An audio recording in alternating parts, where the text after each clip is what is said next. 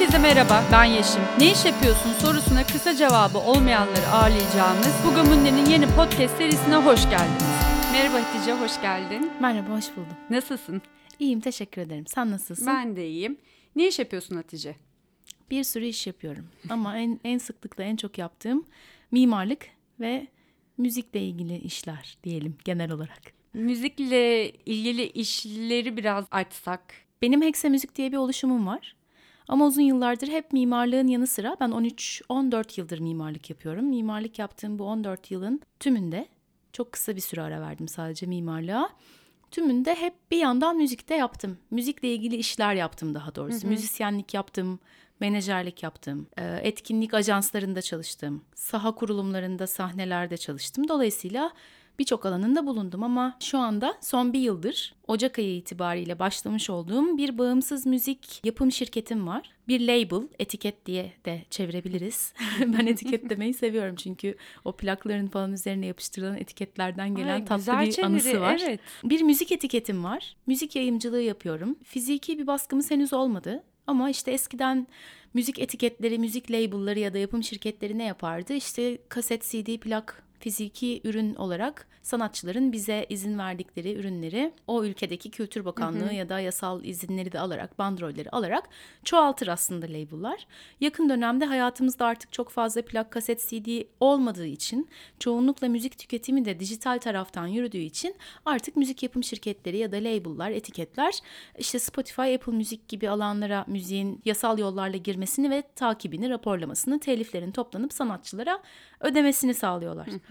Doğal olarak benim yaptığım da bu aslında. Bunun yanı sıra da yaklaşık 25 sanatçının dahil olduğu bir bağımsız müzik kolektifiyiz de bir yandan. Ee, sanatçılarla beraber etkinlikler, içerikler, ihtiyaç her neyse ona yönelik çözümler üretmeye çalışıyoruz. Bunu eğer o an çözebildiğimiz bir şeyse beraber çözüyoruz. Çözemediğimiz bir şeyse ya da daha iyi bir çözüm varsa o çözüme erişmeleri için bir network oluşturmaya çalışıyoruz ya da beraber fikir yürütüyoruz diyelim. Böyle bir işim var aslında. Anlatması biraz uzun. Bu saha ve mimarlıkla alakalı olarak kendi sahne tasarımın var mıydı? Yani mimarlığın müzikle bir bağlantısı var mı? Aslında var. Yani şöyle hem benim yaptığım alanda var hem de bu alanın dışında da genel olarak mimarlıkla müziğin her zaman bir ilişkisi benim için var. Bence benim özelimde değil herkes için var.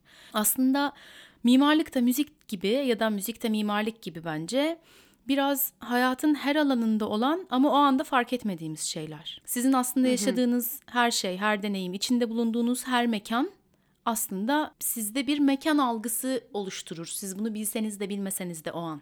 Bunu mimari bir gözle, estetik ya da teknik bir anlamda analiz etseniz de etmeseniz de canlı tabiatı gereği içinde bulunduğu mekanla ilişki kurar ve bunu da o mekandaki doluluk, boşluk ve kendi varoluşu üzerinden yapar. Aslında müzikle olan ilişki de böyle o anda amacınız birincil derdiniz bir müzik dinlemek değilse de aslında yine içinde bulunduğunuz mekandaki olan ya da olmayan sesle bir duyma deneyimi hı hı. yaşarsınız. O an onun farkında olmakla, onu işte bir filtreden geçirmekle, gereksinimleri bunun etrafında kurmakla değişen, şekillenen ve sonsuz varyasyonları aslında oluşan konular. Ama ben müzik yaptığım zaman da müzik işini sahada yaptığım yani etkinlik kurguladığım, fiziki olarak o sahnenin kurgusu içinde bulunduğum ya da teorik olarak masa başında sanatçıların telifi, programı, o etkinliğin kurgusu ya da içeriğiyle ilgili çalıştığım zamanda da her şeyden önce bir şantiyeci mimar olarak çalıştım aslında. Yani e, şantiyede çalışmak çok enteresan bir şeydir. Mimarlık çok ilginç bir meslektir hepsinden öte. Bir sürü disiplini aynı anda düşünmeniz gereken, olayları birkaç katman birkaç katman sürekli irdelemeniz gereken bir meslek mimarlık. İşin içinde psikolojide vardır, mühendislikte vardır, elektrikte vardır, mekanikte vardır. Dolayısıyla aslında bütün öğrenim hayatınız boyunca ve meslek hayatınız boyunca bu sadece gündüz yaptığınız ve para kazandığınız bir iş olmaktan çıkıp her şeyi bir filtreden geçirdiğiniz bir düşünce yapısına dönüşür. Hele ki bir de şantiyeciyseniz ki ben şantiyeciyim aslında. Dolayısıyla da böyle İster istemez o şantiyelerden gelen sistemsel çalışma zaten müziğin hangi alanında olursam olayım günlük düşünce akışına bir şekilde yansıyor.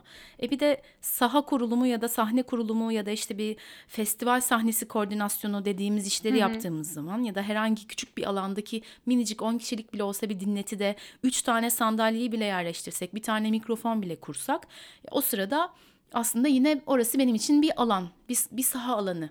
Yani orada bir bina yapmak ve bir konser yapmak çok farklı değil. Çünkü yapılması gereken işler, katmanlar belli ve ona göre ilerliyor işin sistemsel tarafı. E, tabii ki yapılan iş fiziki bir iş olduğu kadar fikri de bir iş. Bir müzisyenin eseri ona ait bir sanat, bir ses ve o an için unik bir şey. Yani sadece o an duyulabilecek, sadece o an olabilecek bir sanat performansı. E, Bu noktada mimarlıktan ayrılıyor tabii. Evet. Çünkü bina daha statik ve içine girip çıkan insanlarla yaşayan bir şey. Ama müzik odada hiç kimse olmasa da orada olacak. O, o yöndeki o tezatlıkları da çok keyifli. Ama yaklaşık olarak ben hepsinin arasında bir şey buluyorum. İkisi de birbirini besliyor aslında o zaman Evet. bir yandan da. Böyle hiç ya şu sahne çok güzelmiş. Keşke tasarım sürecinde ben de olsaydım dediğim bir sahne var mıydı? Türkiye'de mi yurt dışında mı ya da Yurt nasıl şey? dışında da olabilir. Konser odaklı mı yoksa hani böyle bir yapıdan mı bahsediyoruz? yapı da olabilir ya da bir festival sahnesi, bir performans mekanı da olabilir bu hani. Yani şeyi çok sevdim, e, severim. Ben buna çok konser odaklı yanıt vermekten kaçınacağım. Çünkü orada o an kullanıcı olarak yani kullanıcı demeyelim tabii şimdi mimarlığa gitti aklım düzeltiyorum. Katılımcı olarak bulunduğunuz zamanki hisler çok farklı oluyor. Orada bir sürü etmen var. O yüzden daha yapısal bir yerden cevap vermek bana daha doğru geliyor böyle bir şeye.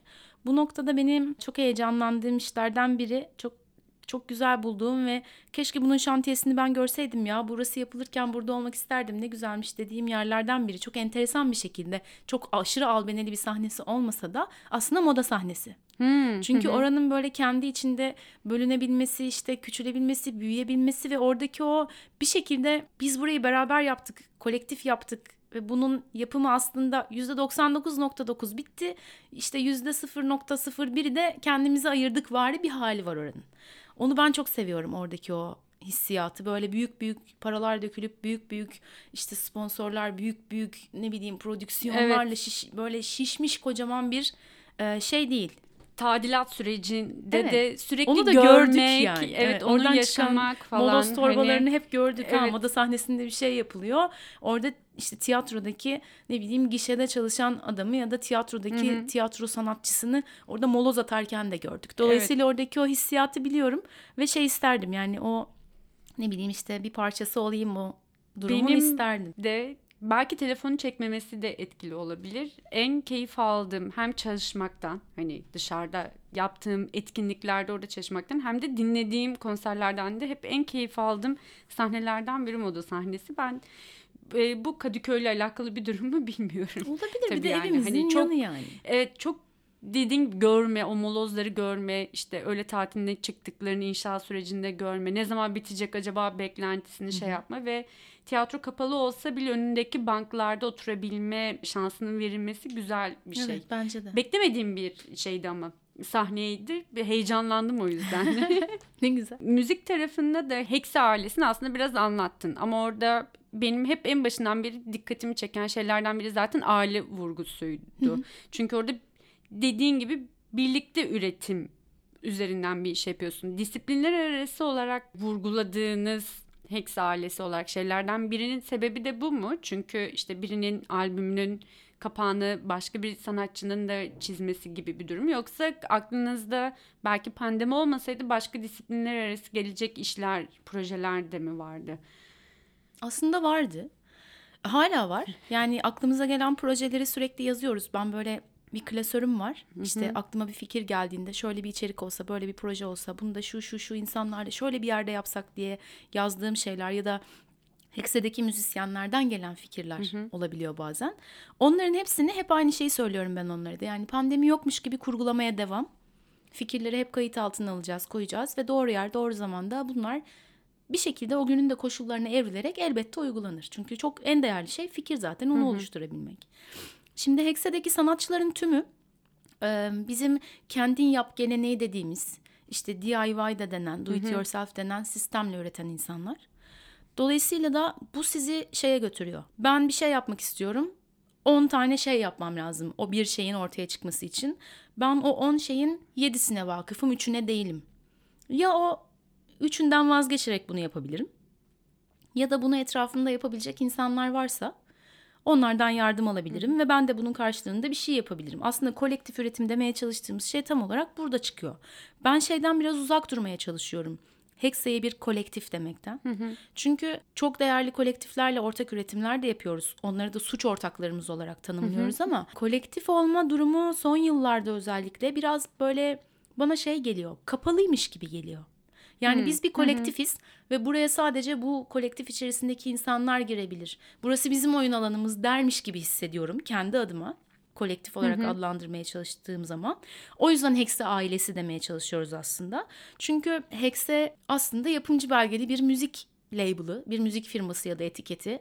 Aynı zamanda booking management ve benzeri konularda sanatçılarla farklı noktalarda farklı işbirlikleri yapmaya çalışan ve fikirler, içerikler üreten ve marka işbirlikleriyle ya da başka insanlarla ortak üretimlerle de buraya bir şekilde sanatçılara gelir sağlayabilecekleri ve müziklerine yatırım yapabilecekleri yeni alternatifler üretmeye çalışan, işte barterlar kurmaya çalışan bir yapı. Arka planda çok yoğun bir çalışma var aslında. Ama bir yandan da aslında isteyen herkesin dahil olabileceği bir yer. Çünkü aile aslında genişleyebilir. Genişleyebilir ama şöyle genişler. Biz Hexe'de bizimle birlikte çalışmak isteyen insanlara hep aynı şeyi soruyoruz aslında. Yani merhaba, selam. Zaten genelde ilk yani biz şu an 25 ekipsek zaten 20 ekibi tanıyorduk. Hali hazırda bir şeyler üretiyorduk da beraber. Farklı yerlerde, farklı durumlarda, platformlarda. Ama yeni tanıştığımız ve aileye dahil olan insanlar da oldu. Bu da çok güzel. Ya aile deyince de çok geleneksel bir kelime gibi oluyor. Yani buna bir kelime bulmak lazım da ben daha tam bulamadım. yani aslında ilk başlarda çember diyorduk biz buna bir ateş çemberi gibi. Yani isteyen ateş çemberinin başına gelip oturabilir. Evet çember Oradaki de güzel. ateşi besler. Yani o ateş çemberinin başına gelip oturan herkes orayı büyütür ve daha fazla ışık çıkmasını sağlar. Dolayısıyla aslında en güzel tanımı bir ateş çemberi olması bence. Bir de böyle orman gece falan güzel hmm. bir hissiyat.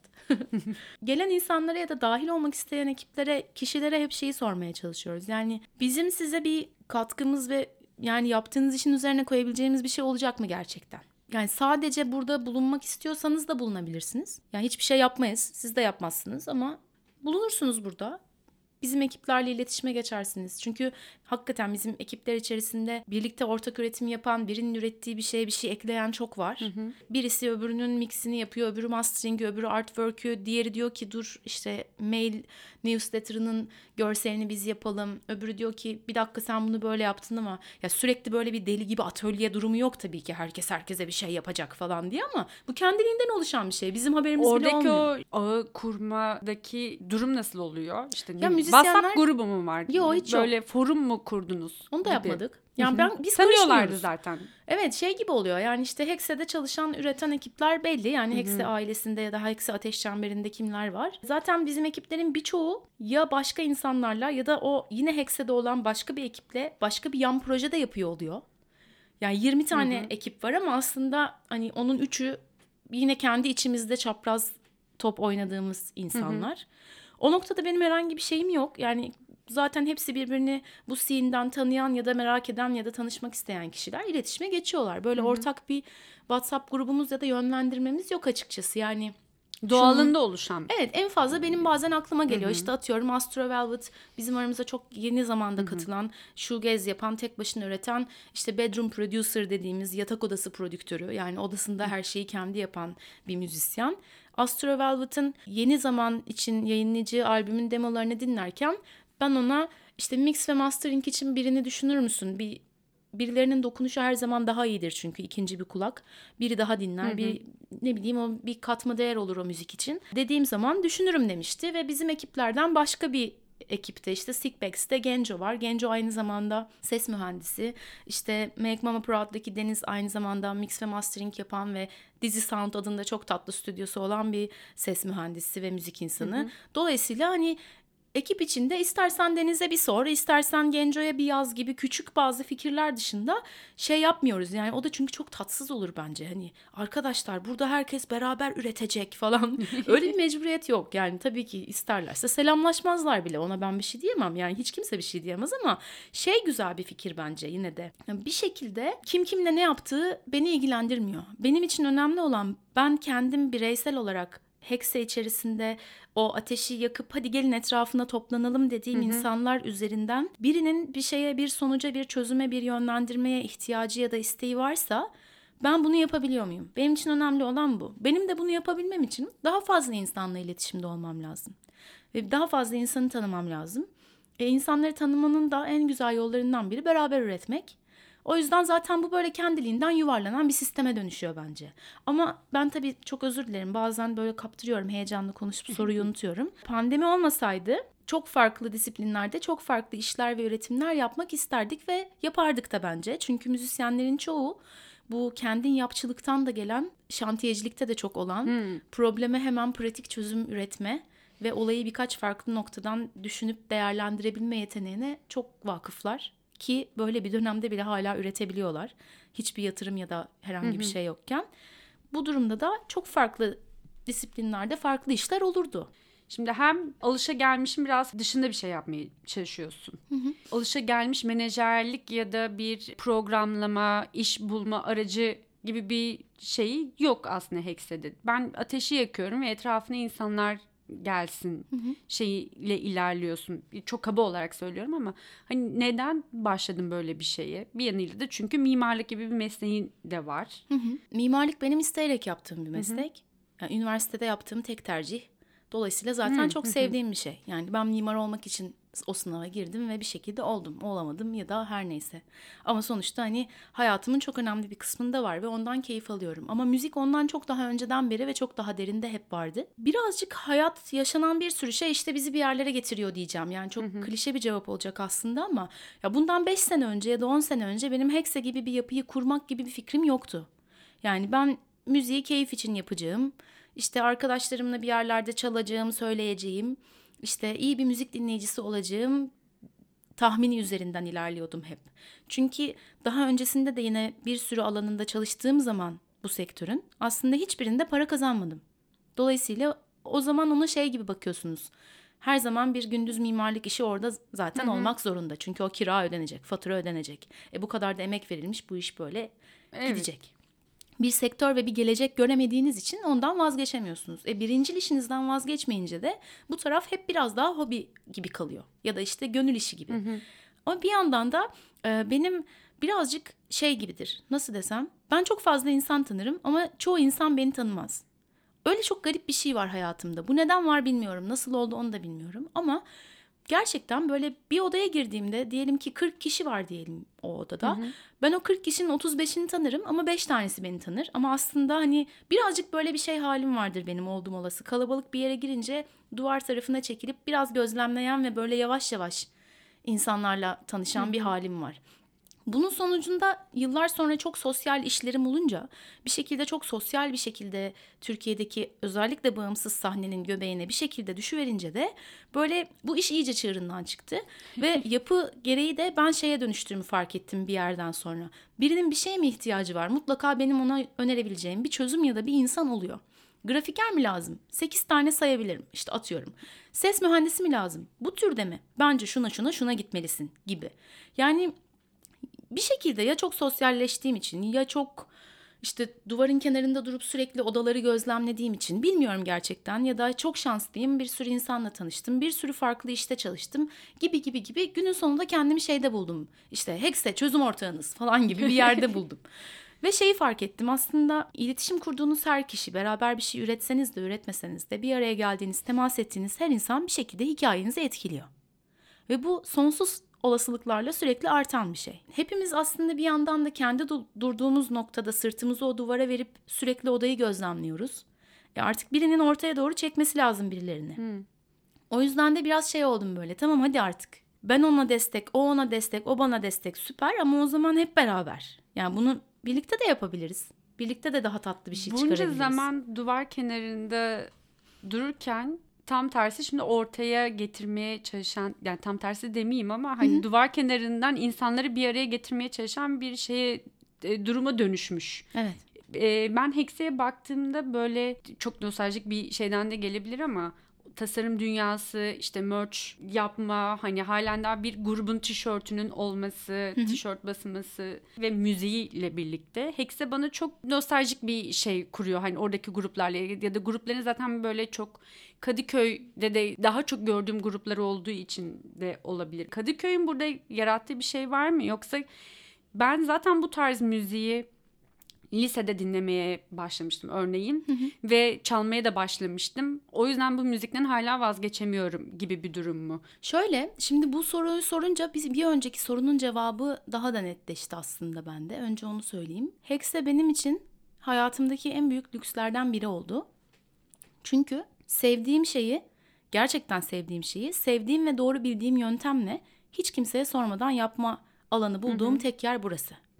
Şimdi bunu mimarlıkta yapamazsınız. O projeyi birileri onaylayacak. Hiç kimse onaylamasa belediye onaylayacak. Ya da biri diyecek ki bunun beton sınıfı şu olmak zorunda. Hı hı. Siz ama ben başka bir beton sınıfı kullanmak istiyorum, onu seviyorum diyemezsiniz.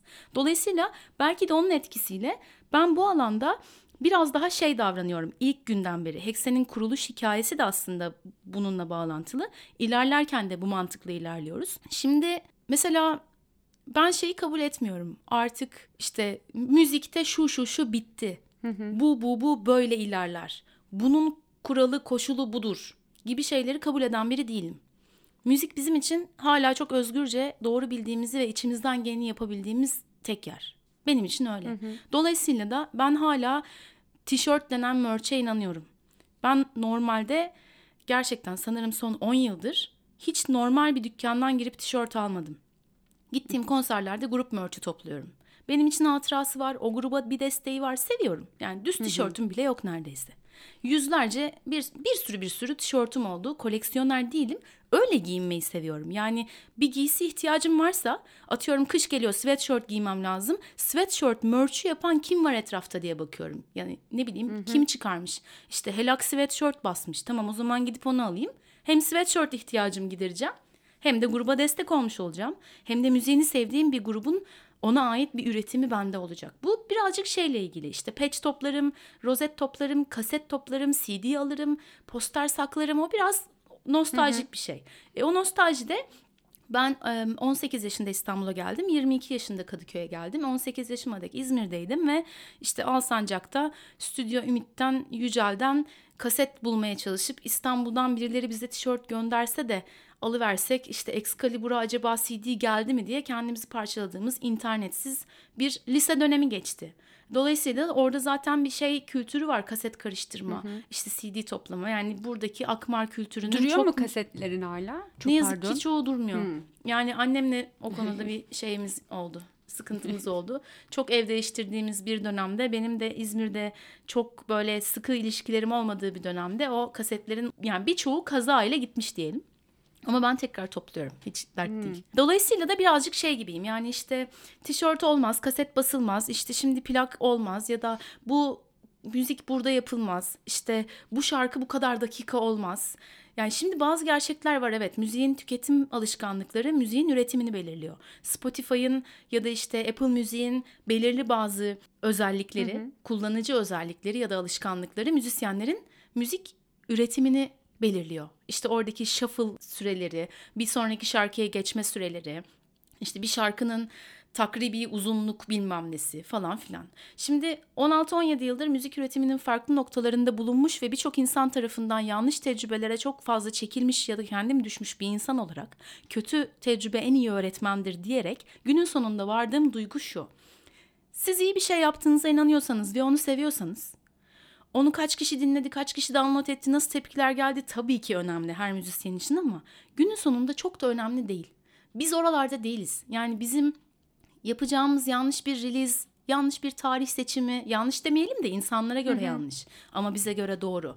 Bir albüm kapağı görseli seçimi ya da herhangi bir seçim bize göre doğru ama genele göre yanlış olduğu belirtilen bir şey bize milyonlara mal olmayacak. Ola da bilir bu arada ama önemli değil. Yani bir yerden sonra çünkü bu sürekli değişiyor. Bundan 10 sene önce Spotify yoktu.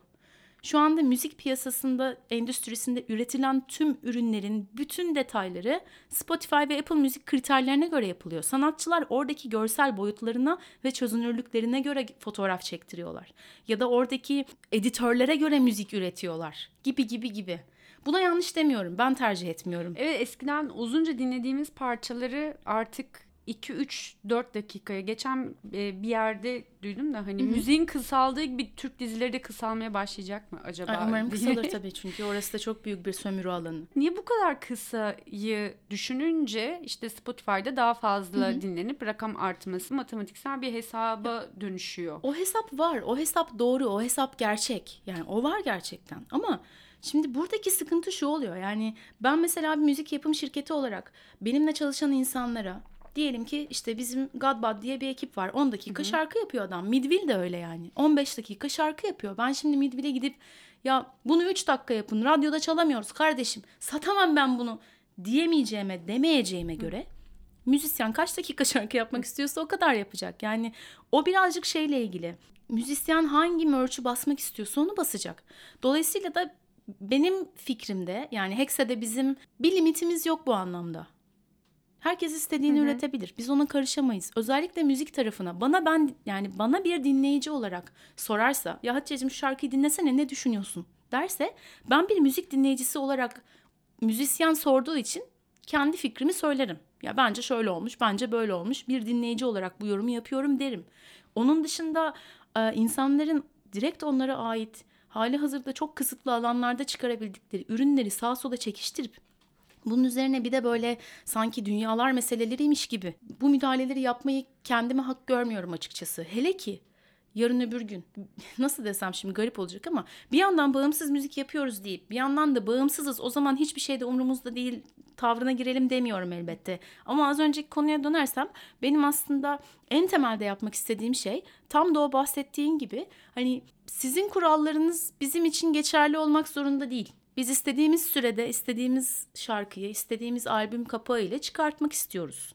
Tabii ki belli başlı bazı kriterlere uymak durumundayız. Yer almak istediğimiz hı hı. platformlar gereği teknik olarak. Ama onun dışında bunun söylemi, içeriği bir insanlık suçu işlemiyorsa, homofobik değilse, ırkçı değilse istenen her şey söylenebilir. Her koşulda, her şekilde de söylenebilir. Bunu yapabiliyor olmak benim için çok büyük bir özgürlük kendi adıma. Sanatçılar için de öyledir diye umuyorum.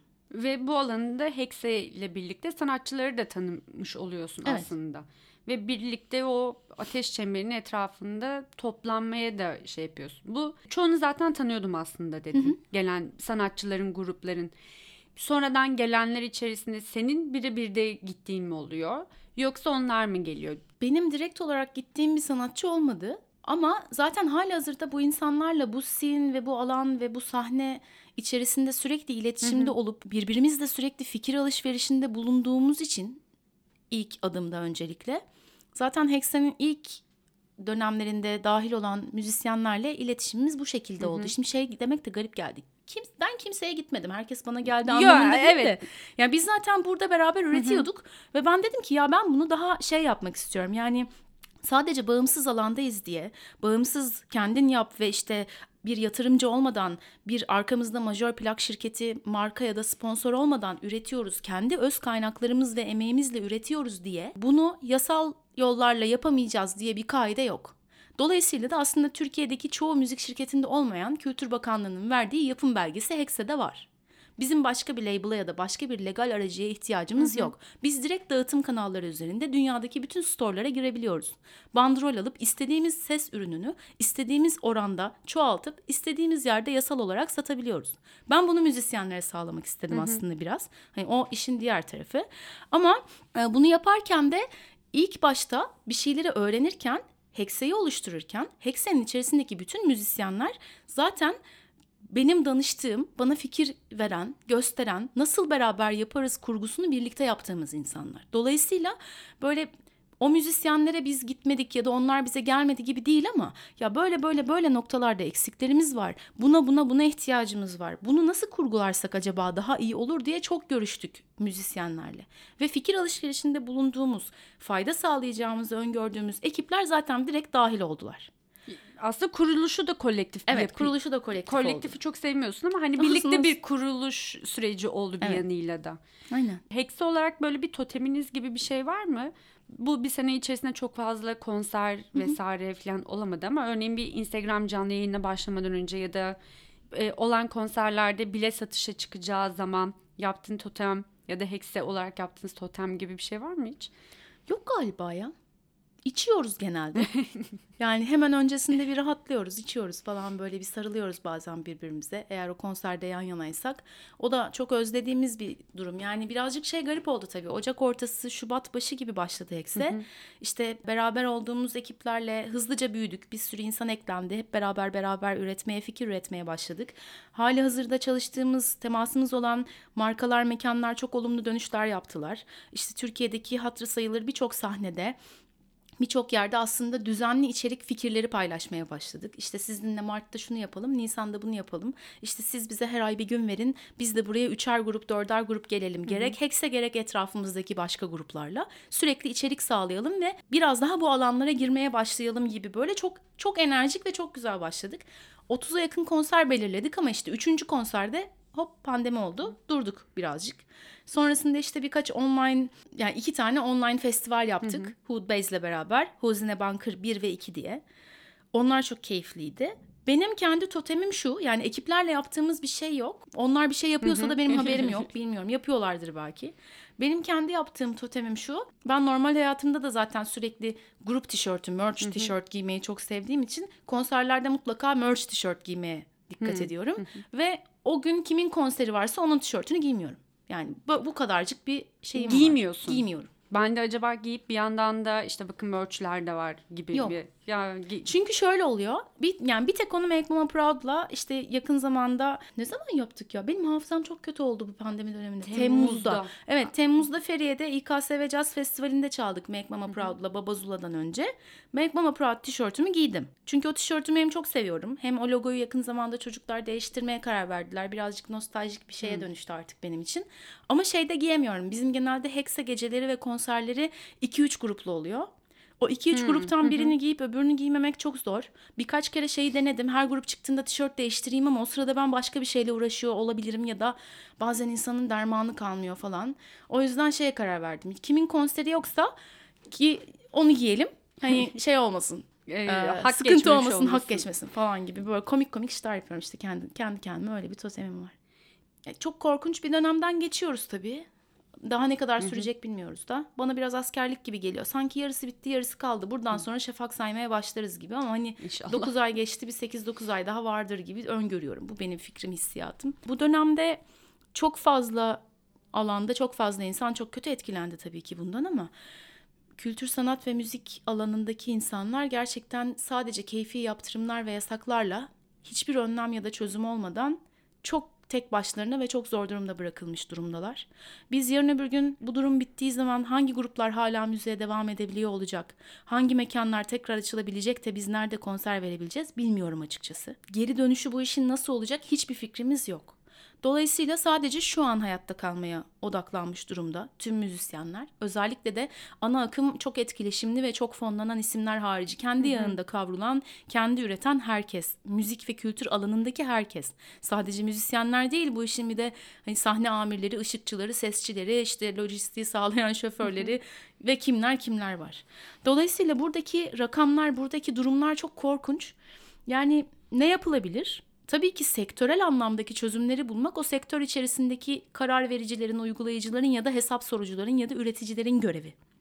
Ama sektörle hiç alakası olmayıp da sadece müzik dinleyen herhangi bir vatandaş da en azından desteklemek istediği müzik yapmasından keyif aldığı insanları dinleyerek ya da paylaşarak ya da işte varsa bandcamp'leri belki oradan bir şeyler alarak, varsa bir üretimleri belki oradan bir şeyler alarak bir şekilde e, ya herkesin yapabileceği bir şey var. Onu demeye çalışıyorum. Galiba her ayın ilk cuması Evet. değil mi Bandcamp'teki aynı zamanda bütün geliri direkt müzisyenlere veriyor.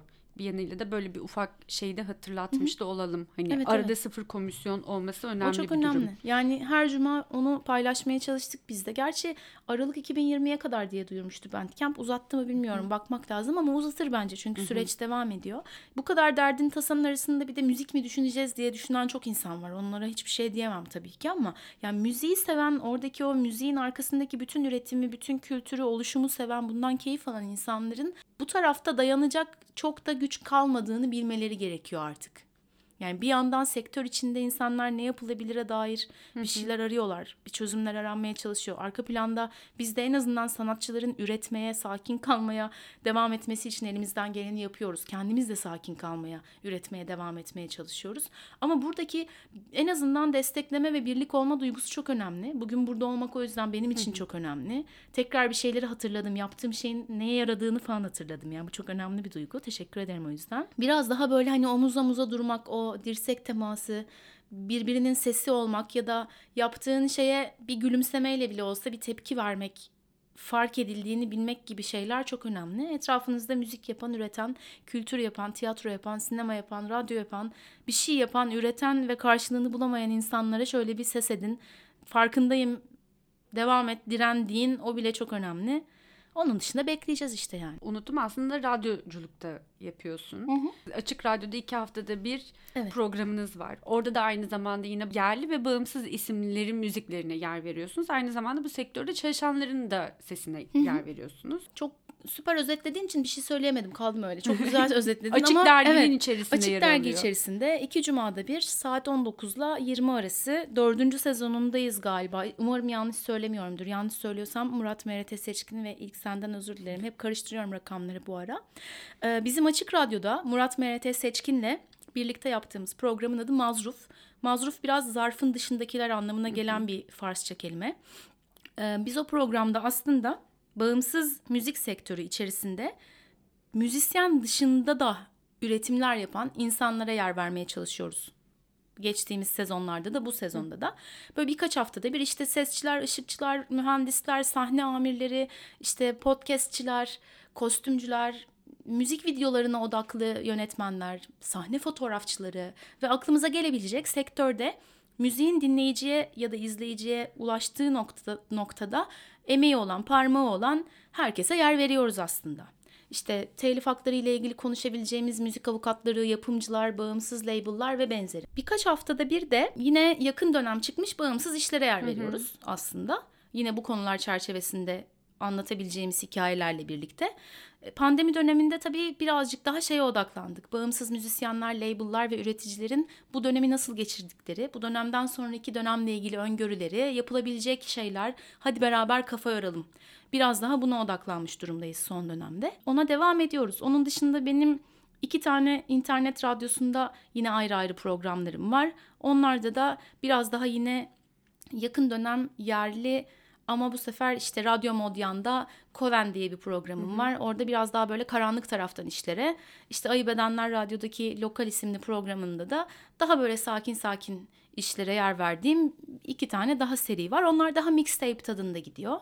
Yine araya bilgiler sıkıştırmaya çalışıyorum falan ama tabii bu dönemde pandeminin de etkisiyle kurmuş olduğum işin hayatımı geçindirmemesi gerçeğiyle birlikte 4 ay kadar önce mimarlık mesleğine tam zamanlı olarak geri dönmek durumunda kaldım. Her ne kadar sevsem de mimarlık artık benim 9-6 em- emeğimi ve enerjimi vermekten ziyade üzerine vıdı vıdı etmeyi tercih ettiğim bir hobimdi. Tekrar 9-6 mesaiye dönmüş oldum. Dolayısıyla radyo programlarımın çoğunu aksatıyorum. Ama bakalım. E, radyo programlarına nasıl hazırlanıyordun? Oradaki o bulma, keşfetme süreci SoundCloud, Mixcloud, Hepsi Spotify. Yani şey gibi oluyordu. En sevdiğin var karışık. mı? En sevdiğim aslında benim bakayım yakın dönem yerli bağımsız üretimler için daha çok Facebook'taki grupları kurcalıyorum Hmm. aslında. Facebook'ta farklı türlerde özellikle benim takip ettiğim türlerde bağımsız müzisyenlerin ve üreticilerin girip ürettiği şeyleri paylaştıkları kapalı birçok grup var. İşte In The Void mesela çok fazla değerli bulduğum ve e, beslendiğim kaynaklardan biri. E, Bir süre sonra zaten kolektifleri çok takip ediyorum. Türkiye'deki müzik kolektiflerini. Bağımsız işler yayınlayan ve çoklu sanatçıları içinde barındıran label ve kolektifler yaptıkları her yeni aslında üretimi duyuruyorlar bir yandan. Hı hı. Onları tarıyorum. Böyle bir tane Excel listem var. Yüzlerce kolektif ve label olan. Böyle sürekli tarıyorum. Kim ne çıkarmış, kim ne çıkarmış kaçırmayalım diye yerel taraftaki yeni çıkanları oradan birazcık götürüyorum aslında toparlıyorum. Kaçırdığım şeyler tabii ki oluyor ama yakalamaya çalışıyorum çalışıyorum diyelim. Sürekli müzik dinliyorsun diyebilir miyiz? Evet zaman? dinliyorum. evet sürekli dinliyorum. Mimarlık ofisinde birlikte çalıştığın kişiler de bu tarafını biliyor mu? Hani onlara da müzik dinlettirme, ofisin müziği açan, playlistini yapan kişi sen misin? Eskiden öyleydim. Çok uzun süre çalıştığım bir şirket vardı. Orada öyleydim ama bu dört aydır çalıştığım şirketteki insanlarla bir arada çalışma şansım henüz olmadı. Pandemi döneminde işe girdiğim için evimizdeyiz evet. şu anda ama genelde bir ortamda o müziği playlisti açan ben olurum ve bir süre sonra biri ne be falan deyip değiştirir. o yüzden yine de müzik sağlarım yani. İyi o şeyden sıkılmaman iyi bir durum. Bazıları da yeter artık sürekli yok, yok, playlisti e, ben mi açacağım ya da hayır bütün playlistleri ben açacağım diyen de bir kitle de var. Sen ikisinin ortası gibisin Ortadayım yani. zorlamayalım kimseyi ama fikrimi sorarsanız söylerim ciyim biraz ben. Tekrardan teşekkürler Ben Hatice. teşekkür ederim. Çok güzel oldu. Evet ne güzel ee, oldu. Umarım konserlerde de bir araya gelebileceğimiz ya da farklı üretimlerde bir araya gelebileceğimiz günler yakında olur. Umarım. Görüşürüz. Görüşürüz. Hoşçakalın.